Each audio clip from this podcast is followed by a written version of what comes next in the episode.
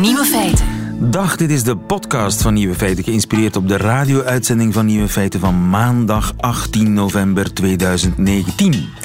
In het nieuws vandaag de Brexit-nummerplaat. Ook in Engeland kun je tegen forse betalingen een gepersonaliseerde nummerplaat krijgen, die voor volgend jaar bevat het getal 20 en zijn bijzonder populair. Het jaar 20 wordt misschien het jaar van de Brexit. En daarom betalen Brexiteers vlotjes bijna 2000 euro om rond te kunnen rijden met een nummerplaat als EU20 by, EU20 out en EU20 gone. Remainers dan weer kopen EU20 fan, EU20 sad en EU20 love. Tenminste, iemand verdient dus flink aan de Brexit. De nieuwe feiten vandaag: Prins Andrew, de tweede zoon van de Queen, die geeft een fel omstreden, om niet te zeggen rampzalig interview op de BBC. Veel discussie in Frankrijk over de nieuwe Polanski-film J'accuse. In Denemarken bieden gemeenten sommige van hun inwoners geld aan om te verhuizen. En misschien rijdt de auto van de toekomst op zeewier. De nieuwe feiten van collega Chris van Abelen die hoort u in zijn middagjournaal. Veel plezier. Nieuwe feiten. Koninklijk weekend was het toch? Gisteren de wereldwijde release van The Crown seizoen 3 op Netflix. En zaterdag op de BBC een groot interview met Andrew, de tweede zoon van de Queen, de prins. Die wilde zijn imago oppoetsen, een einde maken aan al die rare geruchten over zijn relatie met een minderjarig meisje. En met een man die in dat soort relaties eh, gespecialiseerd was, Jeffrey Epstein. Maar of die PR-stunt gelukt is, Jode Poorter, goedemiddag. Um, als je de Engelse pers leest en je ziet de reacties van de publieke opinie in het Verenigd Koninkrijk, kunnen we gerust zeggen dat die stunt volledig mislukt is. En als de Crown over de koninklijke familie vandaag de dag zou gaan, dan zou dit, dit, dit behelst een volledige aflevering van The Crown, wat hij dit weekend gepresteerd heeft. Het was in Newsnight, dat is een heel ernstig journalistiek programma, de ter zake van de BBC, zeg maar. Ja. En het was een beleefd kruisverhoor, hè? Ja, maar het was wel een kruisverhoor. En ik wil even nog Emily Maitlis uh, vernoemen. Dat is de vrouw die het interview doet. Dat is een van de beste krachten die zij hebben. Zij is nog in 2017 verkozen tot beste uh, journaliste van het Verenigd Koninkrijk. Dus hij zit daar niet met zomaar iemand. Zij, hij zit daar met de Farah Diagire van de BBC. Zoiets, ja, exact. Uh, om ja. te praten, zij voelt hem aan de tand uh, over zijn vriendschap met Jeffrey Epstein. De ja. veroordeelde miljardair, hè? deze zomer dood in zijn cel gevonden. Ja, ja, en ze nemen daar ruim de tijd voor. Het interview heeft geloof ik 40 minuten geduurd. En ze had al heel lang aangedrongen op een gesprek met hem. En een van de vele stommiteiten die hij in dat interview zegt, is bijvoorbeeld: Ja, maar um, ik weet dat jullie al lang een interview gevraagd hebben, maar het heeft voor mijn agenda en jullie agenda nooit gepast. Alsof als Prins Andrew zou zeggen: Ik geef een interview aan de BBC, dat de BBC zou zeggen: Ja, we hebben nu even geen tijd, bel over twee weken maar één stuk. Dus het, het zat vol met dat soort echt calamiteiten. Hij ging bijvoorbeeld in december 2010, nadat Epstein al veroordeeld was en vrijgelaten op borgtocht, de man in New York opzoeken, zogenaamd om de vriendschap op te zeggen. Maar hij heeft wel een paar dagen gelogeerd bij de mens. Now I went there with the sole purpose of saying to him that because he had been convicted, it was inappropriate for us to be seen together. And yet you stayed at that New York mansion several days. I'm wondering how long. But I was doing a number of other things while I was there. But you were staying at the house of Yes. a convicted sex offender. It was a convenient place to stay. Het was gemakkelijk om daar te blijven, alsof hij uh, niet het geld heeft om een hotel te betalen in New York. Hè? Ja, dat is zeer onbegrijpelijk voor iemand die inderdaad tot de koninklijke familie, tot de rijkste koninklijke families uh, ter wereld behoort, die nog jaarlijks een uh, zeer hoge toelage krijgen. En dat hij dan voor het gemak bij uh, zo'n man logeert, dat is op zijn zachtst uitgedrukt niet verstandig om te doen.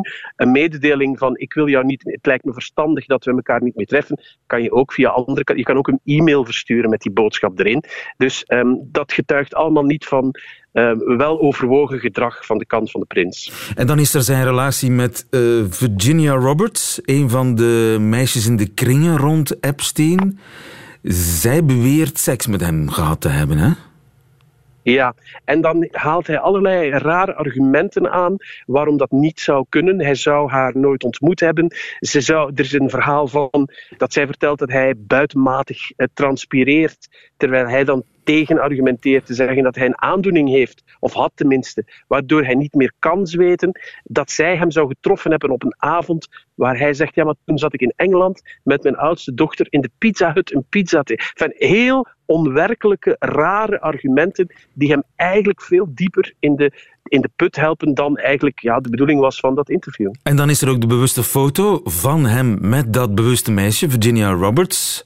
17 jaar is ze. En hij staat gewoon op die foto en ja, zegt hij, dat ben ik wel, maar dat is niet mijn hand om haar heup. Do you recognize yourself in the oh, photo? Yeah, it's pretty difficult not to recognize yourself. But it's possible that it was you with your arm around That's her me, but but whether that's my hand or whether that's um, the position, I, I, but I don't. I have simply no recollection of a photograph ever being taken. Pijnlijk, hè? Ja, en, en het is natuurlijk, hij voert aan dat het lastig is om lid te zijn van de koninklijke familie. Er zoveel foto's gemaakt worden. Jo, je bent er nog, toch? Laat ons niet in de steek. Jo, laat ons, niet, jo, laat ons wel degelijk in de steek. Maar we halen Jo uh, zo snel uh, mogelijk terug. Voilà, daar is hij al terug. Dus uh, ja, hij zegt die foto is misschien wel een fake foto, maar misschien ook niet. Hij laat dat in het midden. Ja, hij heeft heel slechte herinneringen uh, in alles wat zijn ontmoetingen met Epstein betreft, wat de ontmoetingen met de meisjes betreft. Het is een soort heel groot zwart gat waar hij, hij heeft herinneringen aan niets. En dat is een argument dat hij meermaals in dat interview aanvoert, dat hij zich heel weinig nog van die toestand herinnert, waardoor zou moeten blijken dat het niet gebeurd is. Ja, belangrijke vraag is natuurlijk, heeft hij spijt van zijn contacten met Epstein? En daar, daar antwoordt hij dit op. It had um, uh, some seriously beneficial um, outcomes in areas that have nothing or bear, have nothing to do with, with, with what I would describe as what we're talking about today. Do I regret the fact that, that, that he has quite obviously conducted himself in a manner unbecoming? Yes. Unbecoming? He was a sex offender. Yeah, I'm sorry, I'm being polite. Ja, hij heeft wel spijt ja. dat zijn vriend die rare dingen gedaan heeft, maar geen spijt van de contacten, want die hebben uh, heel veel goeds opgeleverd voor het Britse bedrijfsleven. Ja, dat is natuurlijk de, het meest foute antwoord wat je kan geven als iemand daarnaast staat of eromheen zit als adviseur of communicatieverantwoorder, dan krijg je zes hartaanvallen aan elkaar. Dat hij zoiets zegt. Het enige mogelijk antwoord dat je op zoiets kan geven is natuurlijk dat iemand fout was, dat je diepe spijt hebt, dat je daarmee in aanraking bent gekomen. Ik bedoel, dan moet je echt door het slijk gaan en echt uh, toegeven en bevestigen dat die man uh, ja, een, een, een misdadiger was. En als hij daar dan nog omheen danst met hij kon zo lekker contacten leggen. Ja, dat is ondertussen bewezen dat die Epstein heel goed was in het leggen van contacten. Dat weten we. Maar het is zo misplaatst en zo fout en zo onmetelijk stom om dat te doen. Um, dat is onbegrijpelijk dat iemand met zo'n organisatie en met zo'n batterij van adviseurs um, achter zich dat die zulke sommiteiten doet. Maar heeft hij dan slechte adviseurs of heeft hij niet naar zijn adviseurs geluisterd? Nou, er zijn twee dingen. Hij heeft natuurlijk geen eigen dienst. Dus hij rekent dus de, de andere leden van de familie, de meer, laat je zeggen, belangrijker en centralere leden, dus Charles en William en Harry, die hebben echt een eigen um, uh, communicatiekantoor die voor hen werkt. Hij vertrouwt op Buckingham Palace en hij is toch wel de prins die al een aantal jaren buiten het gezichtsveld en uit het brandpunt van de belangstelling is. En kan meer zijn eigen ding doen. Dat is gebleken wat die dingen dan weer zijn. En zit minder onder het juk en onder de begeleiding van een vaste adviseur. En ik denk dat je dit. Je denkt dat hij dit gewoon op eigen houtje heeft gedaan, Jo? Kom terug, Jo. Nee, hij komt niet terug. Dan uh, moeten we het helaas hierbij houden. Uh, de PR-ramp die zich voltrokken heeft in Engeland. De prins die ofwel slecht geadviseerd is, ofwel niet naar zijn adviseurs heeft geluisterd en een werkelijk rampzalig interview heeft gegeven op de BBC. Hij wou zichzelf vrijpleiten. Hij wou er vanaf. Jo is terug, ik hoor hem. Hij wou er vanaf van eh, die geruchten. Hij wou de zaak afsluiten, maar dat afsluiten dat is uh, niet gelukt. Hoe schadelijk is dit nu? Het is zeer schadelijk. Dit is van, een van de zwaarste affaires die het, het Britse Koningshuis raakt de laatste jaren, misschien wel de laatste decennia. Vooral ook omdat het zo dicht bij eh, de majesteit komt. Hij is uh, haar tweede zoon. Hij is de broer uh, van, van de kroonprins. En je merkt dat hij van heel veel koninklijke privileges gebruik heeft gemaakt. Daar ook misbruik van heeft gemaakt. Dan heeft die Epstein die is uitgenodigd in Windsor Castle. Um, in Buckingham Palace, die is voorgesteld aan de koningin. Dus er zijn heel veel uh, dingen waar hij uh, gebruik en misbruik van gemaakt heeft. En dit zou wel eens zeer kwalijke gevolgen kunnen hebben voor de koninklijke familie en ook voor de majesteit. Maar heeft hij dit op eigen houtje helemaal alleen dan bedisseld en beslist? Maar het is iemand die de laatste jaren heel veel dingen onafhankelijk doet.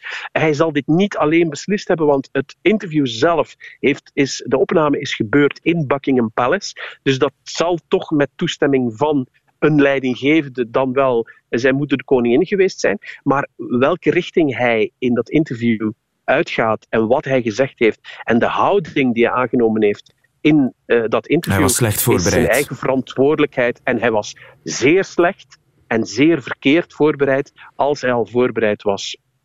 Een PR-ramp voltrok zich in Buckingham Palace uh, dit weekend. Het weekend waarin uh, diezelfde Queen de hoofdrol, althans gespeeld door Olivia Colman, speelt in uh, The Crown seizoen 3. Die, die serie is ook op Netflix te zien.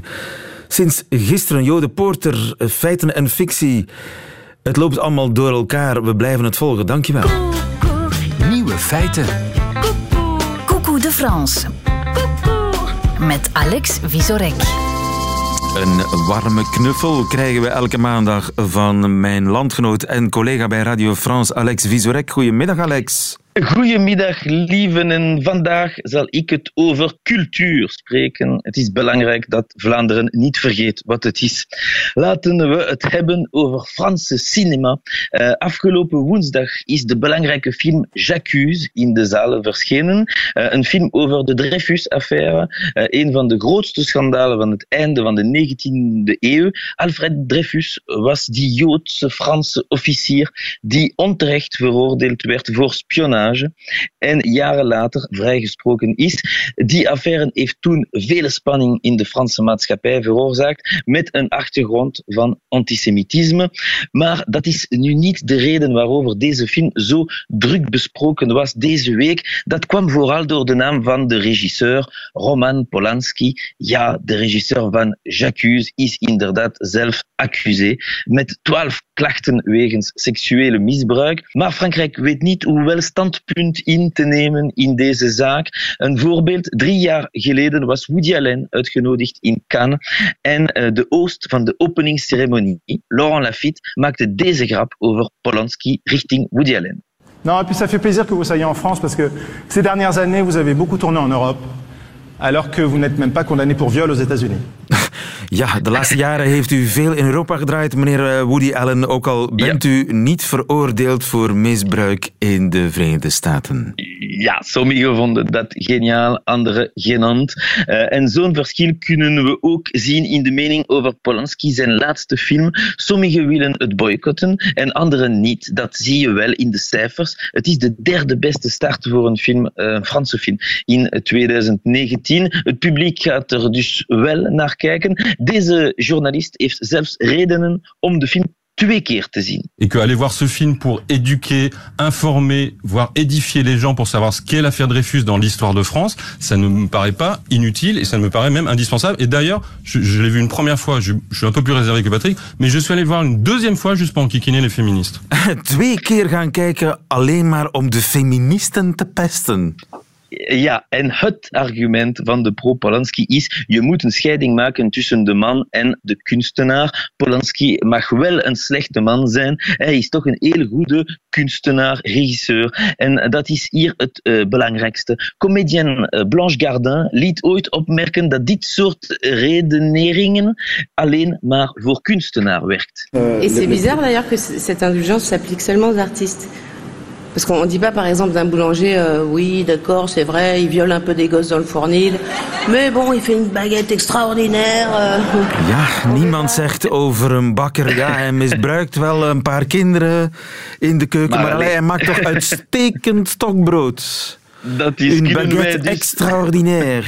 Een baguette extraordinaire. Kunnen we dus de man en de kunstenaar nog scheiden? Uh, moeilijk te zeggen, want deze week is er ook een nieuw element opgedoken. Er is een nieuwe klacht tegen hem ingediend. Uh, en voor de eerste keer was het door een Franse vrouw. Hij zou haar geslagen en verkracht hebben in 75 toen ze 18 was. En je voelt wel dat ook mensen die Polanski steunen wel wat stiller geworden zijn. Meerdere tv-shows met een van de acteurs uit de film als gast. Zijn ook niet uitgezonden. En er is heel wat gedebatteerd op uh, tv daarover. Bijvoorbeeld rechtse politica, Nadine Morano. Ik durf niet zeggen dat Morano nooit een voorbeeld van intelligentie is, want dat toont ze zelf beter. Sur ce plateau, qui, qui n'a pas couché avant ses 18 ans euh, Vous connaissez beaucoup d'adolescents qui ont eu des rapports sexuels à 17, 18. Ja, wie heeft er nooit voilà. seks gehad voor zijn achttiende? Ik denk dat ze het probleem niet compleet snapte. Uh, en in het volgende fragment krijgen we daar bevestiging van. C'est pas la même chose d'avoir un rapport sexuel à, à, avec une jeune femme de 15 ans quand on a 15 ans que d'avoir un rapport sexuel avec une jeune femme de 15 ans quand on en a 50. Non mais euh, là je suis d'accord. Est-ce qu'il avait 50 à l'époque? Il avait 40 ans. Il en avait, il, il avait, il en avait euh, 40. Il, il avait 40 ans. Ah oui, il avait 40 ans. Ja, dus voilà. hij was 40 of ja, 50. Of, enfin, ja. we weten het niet. te oud. Ja, voilà. Iets weten over het thema is belangrijk in een debat, maar ook matig blijven en dat kan filosoof Alain Finkielkraut soms niet doen. Een ultraconservatieve intellectueel die soms het moeilijk heeft om op de sporen te blijven in een debat. Beeld je dan in hoe hij zou kunnen reageren als hij moet debatteren over Polanski tegen een feministische militant die hem beschuldigt om de reepcultuur te verstevigen. Le message que vous envoyez à toutes les petites filles qui ont été violées dans ce pays. Voilà, eh ben, je le dis aux que hommes, pas violer grave. les femmes. D'ailleurs, je viole la même tous les soirs. Vous n'avez pas le droit de dire Ah, ça. attendez, Mais tous les soirs. Vous n'avez pas le droit de dire marre, ça, monsieur. Finkel. Voilà, ik uh, misbruik mijn vrouw elke avond. Tous les Ja, eh, tous les soirs, tous les soirs. Moeten we een scheiding maken tussen de filosoof en de man? Dat weet ik niet. Het blijft dus een groot polemiek en we zullen zien hoe het verder zal gaan na deze nieuwe klacht. Ondertussen blijft Jacques op de schermen in een gespannen atmosfeer. Ja, eh, iedereen accused als het ware in uh, Frankrijk. Dankjewel, Alex. Bedankt. Goedemiddag, tot de volgende. Nieuwe feiten. Deense gemeenten willen mensen betalen om te verhuizen. Rolien Creton, goedemiddag. Goedemiddag. Rolien, jij bent onze vrouw in Kopenhagen. Vandaag uh, in twee steden is dat gebeurd. Hè? Odense en Aarhus werden, ja, mensen werd een soort van oprotpremie aangeboden. Ja, die, die verschillende gemeenten proberen te voorkomen dat ze in de meest uh, zware categorie ghetto vallen. Uh, en uh, ze proberen dan mensen met een strafblad uh, over te halen om te gaan verhuizen. En dat heeft allemaal te maken met nieuwe wetten die de Deense regering deze zomer heeft ingevoerd. De regering wil graag de samenstelling van bewoners in immigrantenwijken met veel uh, problemen veranderen. Ze willen dat uh, meer mensen met geld en een baan in deze wijken gaan wonen. En dat betekent ook dat het soort uh, woningen moet veranderen. Dus ze willen in die gemeente minder sociale huurwoningen en meer koopwoningen. Ja, dus en die gemeente. Er is, Ja, deze sorry? zomer, er is deze zomer een lijst opgesteld met ghetto's. Die ghetto's moeten weg. Want eh, Denemarken wil geen ghetto's meer. Wil geen wijken waar alleen maar allochtonen bij elkaar wonen. Daar komt het eigenlijk op neer. En eh, nu zijn er gemeenten die hun best doen om niet op die bewuste ghetto-lijst terecht te komen. Precies. Eh, wa- Eh, want wa- omdat- wat is het gevolg als je wijk, als je wijk op zo'n lijst terechtkomt? Wat gebeurt er dan? Nou, kijk, het is eh, zo'n gemeente wordt verplicht om eh, sociale huurbouw te slopen of te verkopen. Niet alleen dat, eh gemeenten moeten dan ook bewoners in die sociale huurflat compenseren. Dus ze moeten ervoor zorgen dat bewoners een gelijksoortige andere woning krijgen aangeboden. En ze moeten alle onkosten vergoeden. En veel gemeenten willen dat helemaal niet. Eh, Ze willen niet slopen, ze willen niet compenseren. Eh, Bewoners willen soms ook gewoon blijven wonen. Eh, Dus op die manier proberen gemeenten creatieve manieren te bedenken om te voorkomen dat ze op die ghetto-lijst komen en te voorkomen dat ze in die zwaarste categorie ghetto terechtkomen. Want wat zijn de criteria om een ghetto te zijn? Nou, ze, hebben, eh, ze kijken naar immigrantenwijken waar veel problemen zijn. En dan hebben ze vier criteria waar ze naar kijken. Ze kijken naar hoeveel mensen werkloos zijn. Eh, ze kijken naar het strafblad. Ze kijken naar een, of mensen een vervolgopleiding hebben. En ze kijken naar inkomst. En als een eh, gemeente op twee van de vier criteria te slecht scoort. Als er bijvoorbeeld meer dan 40% eh, van de mensen in de bijstand zit en te veel mensen een strafblad hebben, ja, dan kom je op zo'n eh, ghetto-lijst. En de bedoelingen zijn, neem ik aan, eerbaar eh, om, om eh, Denemarken helemaal vrij te maken van dat soort moeilijke wijken. Maar blijkbaar lukt dat toch niet zo goed? Nee, kijk, die, die wetten die zijn net ingevoerd hè, deze zomer. Dus eh, eh, effecten kun je nog niet echt eh, zien. Maar je kunt wel bijvoorbeeld zien dat ehm, ja, het voor bewoners stigmatiserend werkt. Dus eh, als je als bewoner in zo'n wijk eh, woont, dan wordt er echt een stempel eh, op je gedrukt. En burgemeesters van die wijken die zeggen ook, als je eenmaal op zo'n lijst staat, dan kom je er ook nooit meer af. Ehm, en ja, sinds deze zomer heeft het dus concrete gevolgen. Hè? Het slopen van huurwoningen, maar niet alleen dat. Ehm, het is een hele pakket met wetten die zijn ingevoerd. En bijvoorbeeld is een nieuwe wet dat baby's vanaf één jaar verplicht naar de peuterschool moeten in deze wijken. In Denemarken is dat gebruikelijk. Hè? Ouders hebben een jaar ouderschapsverlof. En na een jaar gaan vaders en moeders weer fulltime werken. En het kind gaat dan fulltime in de opvang. En deze politici zeggen, zo doen we dat hier in Denemarken. Zo moeten bewoners in onze immigrantenwijken dat ook doen. Eh, ze moeten, de kinderen moeten van jongs af aan de Deense taal leren, de Deense cultuur leren. Dat betekent dus dat ouders verplicht zijn om een baby na één jaar naar de crash te brengen. Als ze dat niet doen, kunnen ze worden gekort in de kinderbijstand. Dus ja, het heeft verregaande gevolgen ook voor eh, bewoners. Ja, en gemeenten moeten veel lasten dragen en eh, doen pogingen om daar onderuit te komen. Eh, lukt dat ook? Zijn er mensen die echt verhuizen op instigatie van het stadhuis? Nee, het blijkt best wel moeilijk te zijn, bijvoorbeeld om mensen met een strafblad over te halen om eh, te verhuizen. Dat is tot nog toe nog niet eh, gelukt. Er zijn andere gemeenten bijvoorbeeld die het op andere manieren eh, proberen. Die gaan bijvoorbeeld langs de deuren om te vragen of, er, of mensen nog oude diploma's of examenbewijzen op zolder hebben liggen. Want dan kunnen ze bewijzen dat meer dan 60% eh, eh, geen vervolgople- of een vervolgopleiding heeft. Dus er wordt druk Eh, gezocht naar diploma's op zolders allerhande. Precies. En, eh, ja, de- en er zijn ook gemeenten die bijvoorbeeld eh, gezinnen in de bijstand betalen om te verhuizen. Eh, zodat ze weer aan, aan, aan dat criteria eh, kunnen, doen, eh, kunnen voldoen. Dus ja, ze bedenken allerlei manieren om die ghetto-lijst te ontwijken. De ghetto-lijst met de bedoeling om ghetto-vrij te worden in Denemarken. Het uh, is deze zomer gestemd, uh, maar de, ja, de, de uitvoering in de praktijk dat uh, schijnt niet zo makkelijk te verlopen, toch? Nee, precies. Kijk, het uiteindelijke doel, wat je net ook zei, is dat deze politici zeggen over tien jaar dan mogen er geen ghetto's meer in Denemarken bestaan. Uh, ze zeggen ja, we willen geen parallele uh, samenlevingen. Iedereen moet zich aan Deens normen en waarden aanpassen. Maar ze willen ook dat meer mensen met een baan en zonder strafblad in deze, naar deze wijken toetrekken.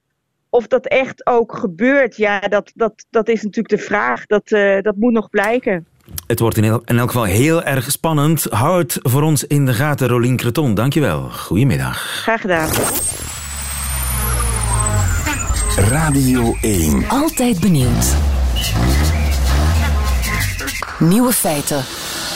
Het zou zomaar kunnen dat u binnenkort zeewier tankt. Dankzij Jaap. Goedemiddag, Jaap van Hal. Goedemiddag. Jij werkt voor TNO, een Nederlands instituut voor toegepast natuurwetenschappelijk onderzoek. En in Denemarken reed er een auto voor het eerst op brandstof gemaakt van zeewier. Brandstof die jij uitgevonden hebt. Um, nou, ontwikkeld is een beter woord het duurzaam kweken van zeewier op uh, textielen en de zeewier geoogst, um, gefractioneerd, dus omgezet in suikers en de suikers omgezet in bioethanol, biobutanol en een nieuwe brandstof. Die auto in Denemarken heeft die gereden op brandstof die louter uit zeewier is ontwikkeld? Um, wat we hebben gedaan is het vergelijken van de brandstof die je nu bij de tank haalt, de E10, en daar uh, precies dezelfde brandstof van gemaakt, maar dan met de 10, dus de 10% biobrandstof, gemengd met normale benzine. En die twee brandstoffen naast elkaar vergeleken om aan te tonen dat ze zich precies hetzelfde gedragen in de auto. Juist ja, dat is E10. Tegenwoordig hebben we al die brandstofcodes. En E10, dat is benzine waar een grote hoeveelheid, of 10% biobrandstof aan toegevoegd is.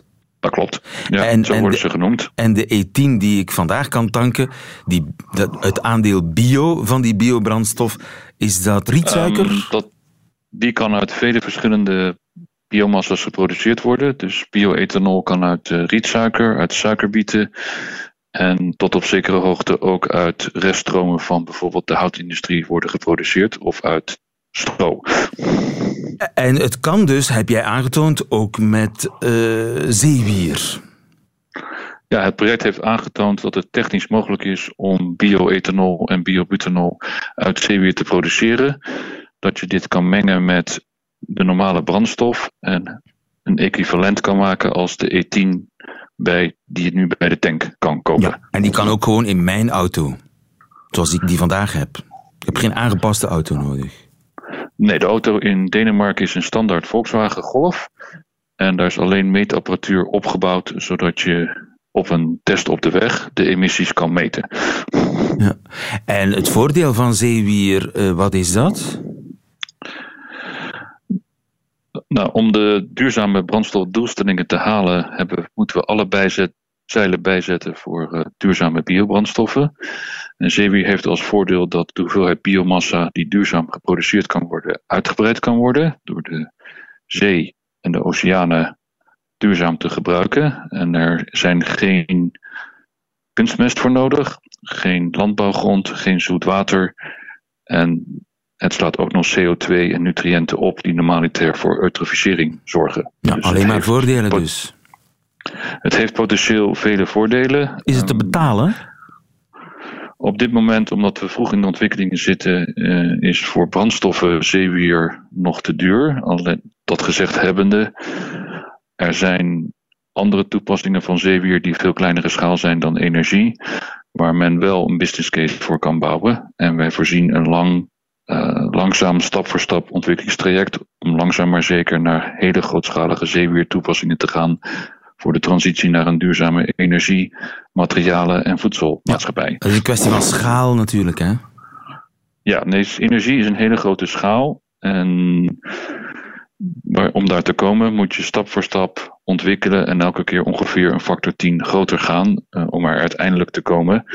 En het doel van het ontwikkelingsprogramma is om stap voor stap steeds meer zeewier te kweken voor een steeds bredere, breder scala aan toepassingen. Ja, en dan zou eventueel zeewier uh, in het tankstation uh, terecht kunnen komen. Zou het puur kunnen? Zou je puur op zeewier kunnen rijden? Er zijn op dit moment auto's beschikbaar die op uh, ethanol kunnen rijden, flex fuel vehicles. Dus als je de auto's langzaam maar zeker aanpast om flexibeler met brandstoffen om te gaan, eh, is het uiteindelijk de bedoeling, vooral voor het zware wegtransport en de scheepvaart en de luchtvaart, om uiteindelijk in de toekomst op duurzame brandstoffen transportbewegingen te doen. Het is niet onmogelijk dat dat de brandstof van de toekomst wordt. Um, het is mogelijk dat dit een van de brandstoffen is die in de duurzame brandstoffenpool komt in de toekomst. Uh, er zijn meerdere soorten duurzame biomassa beschikbaar die je in verschillende brandstoffen kunt omzetten. En om de doelstellingen te halen zullen we alle zeilen moeten bijzetten om de brandstoffenpool zo groot mogelijk te maken, zodat we deze kunnen, op een duurzame manier kunnen toepassen. Ja. En de, de productie is CO2-neutraal. Is ook de uitstoot van die auto's CO2-neutraal? Mocht het volledig uit zeewier bestaan, de brandstof?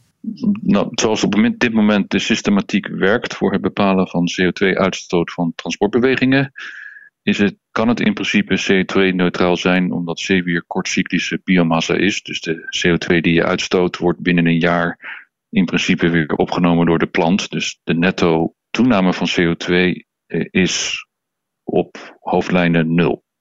Dat is hoopgevend nieuws, toch? Dankjewel, Jaap van Hal. Goedemiddag. Dankjewel. Nieuwe feiten. Dat waren de nieuwe feiten van 18 november. Alleen nog die van Chris van den Abelen heeft u te goed. U krijgt ze in zijn middagjournaal. Nieuwe feiten. Middagjournaal. Beste luisteraar, waar was u gisteren zondag tussen 1 en 2 uur middags? Ik hoop dat u over die vragentijd moet nadenken. Misschien omdat u niets aan het doen was. Een essentiële bezigheid, zeker op een zondag. Zelf zat ik tussen 1 en 2 op de Gentse wielerpiste. Nee, niet Kuipke, waar mijn helden Ilio Keijsen en Kenny de Ketelen hun zesdaagse reden. Het was die andere Gentse wielerpiste, aan de Blaarmeersen. Daar heeft een held uit Kalmthout het Belgisch uurrecord aan Flarden gereden. Herman de Ridder heeft zich in de boekjes der vaderlandse wielergeschiedenis gefietst. Hij legde in één uur tijd 37 kilometer en 46 meter af. Ik moet er nog één detail aan toevoegen. Herman de Ridder is 82. 82 jaar. Net zoals Herman woon ik in Kalmthout en fiets ik bij de legendarische heidestoempers. Maar daar houdt de gelijkenis op. Er zijn weinig zekerheden in mijn leven, maar deze staat vast. Over 27 jaar, als ik er 82 zal zijn, zal ik geen Belgisch uurrecord voor 80-plussers rijden. Herman heeft natuurlijk zijn achternaam mee, de Ridder. Wie als een de Ridder het levenslicht ziet, kan zich maar moeilijk obese vreten. Tegen zo'n achternaam kan geen enkele van de nabelen op.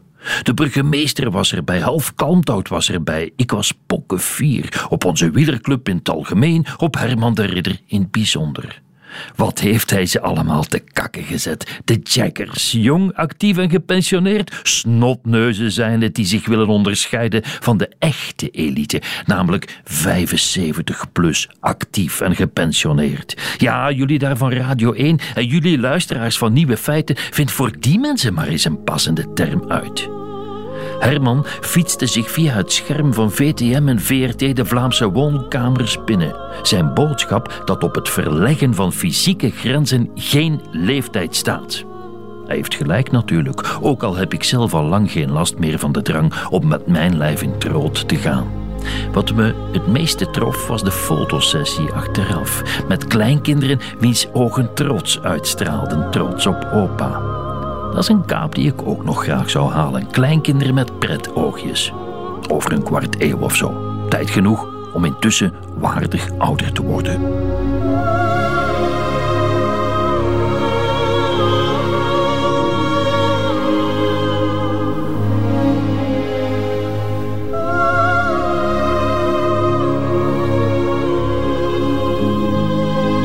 Middagjournaal met Chris van den Abelen. Meteen het einde van deze podcast.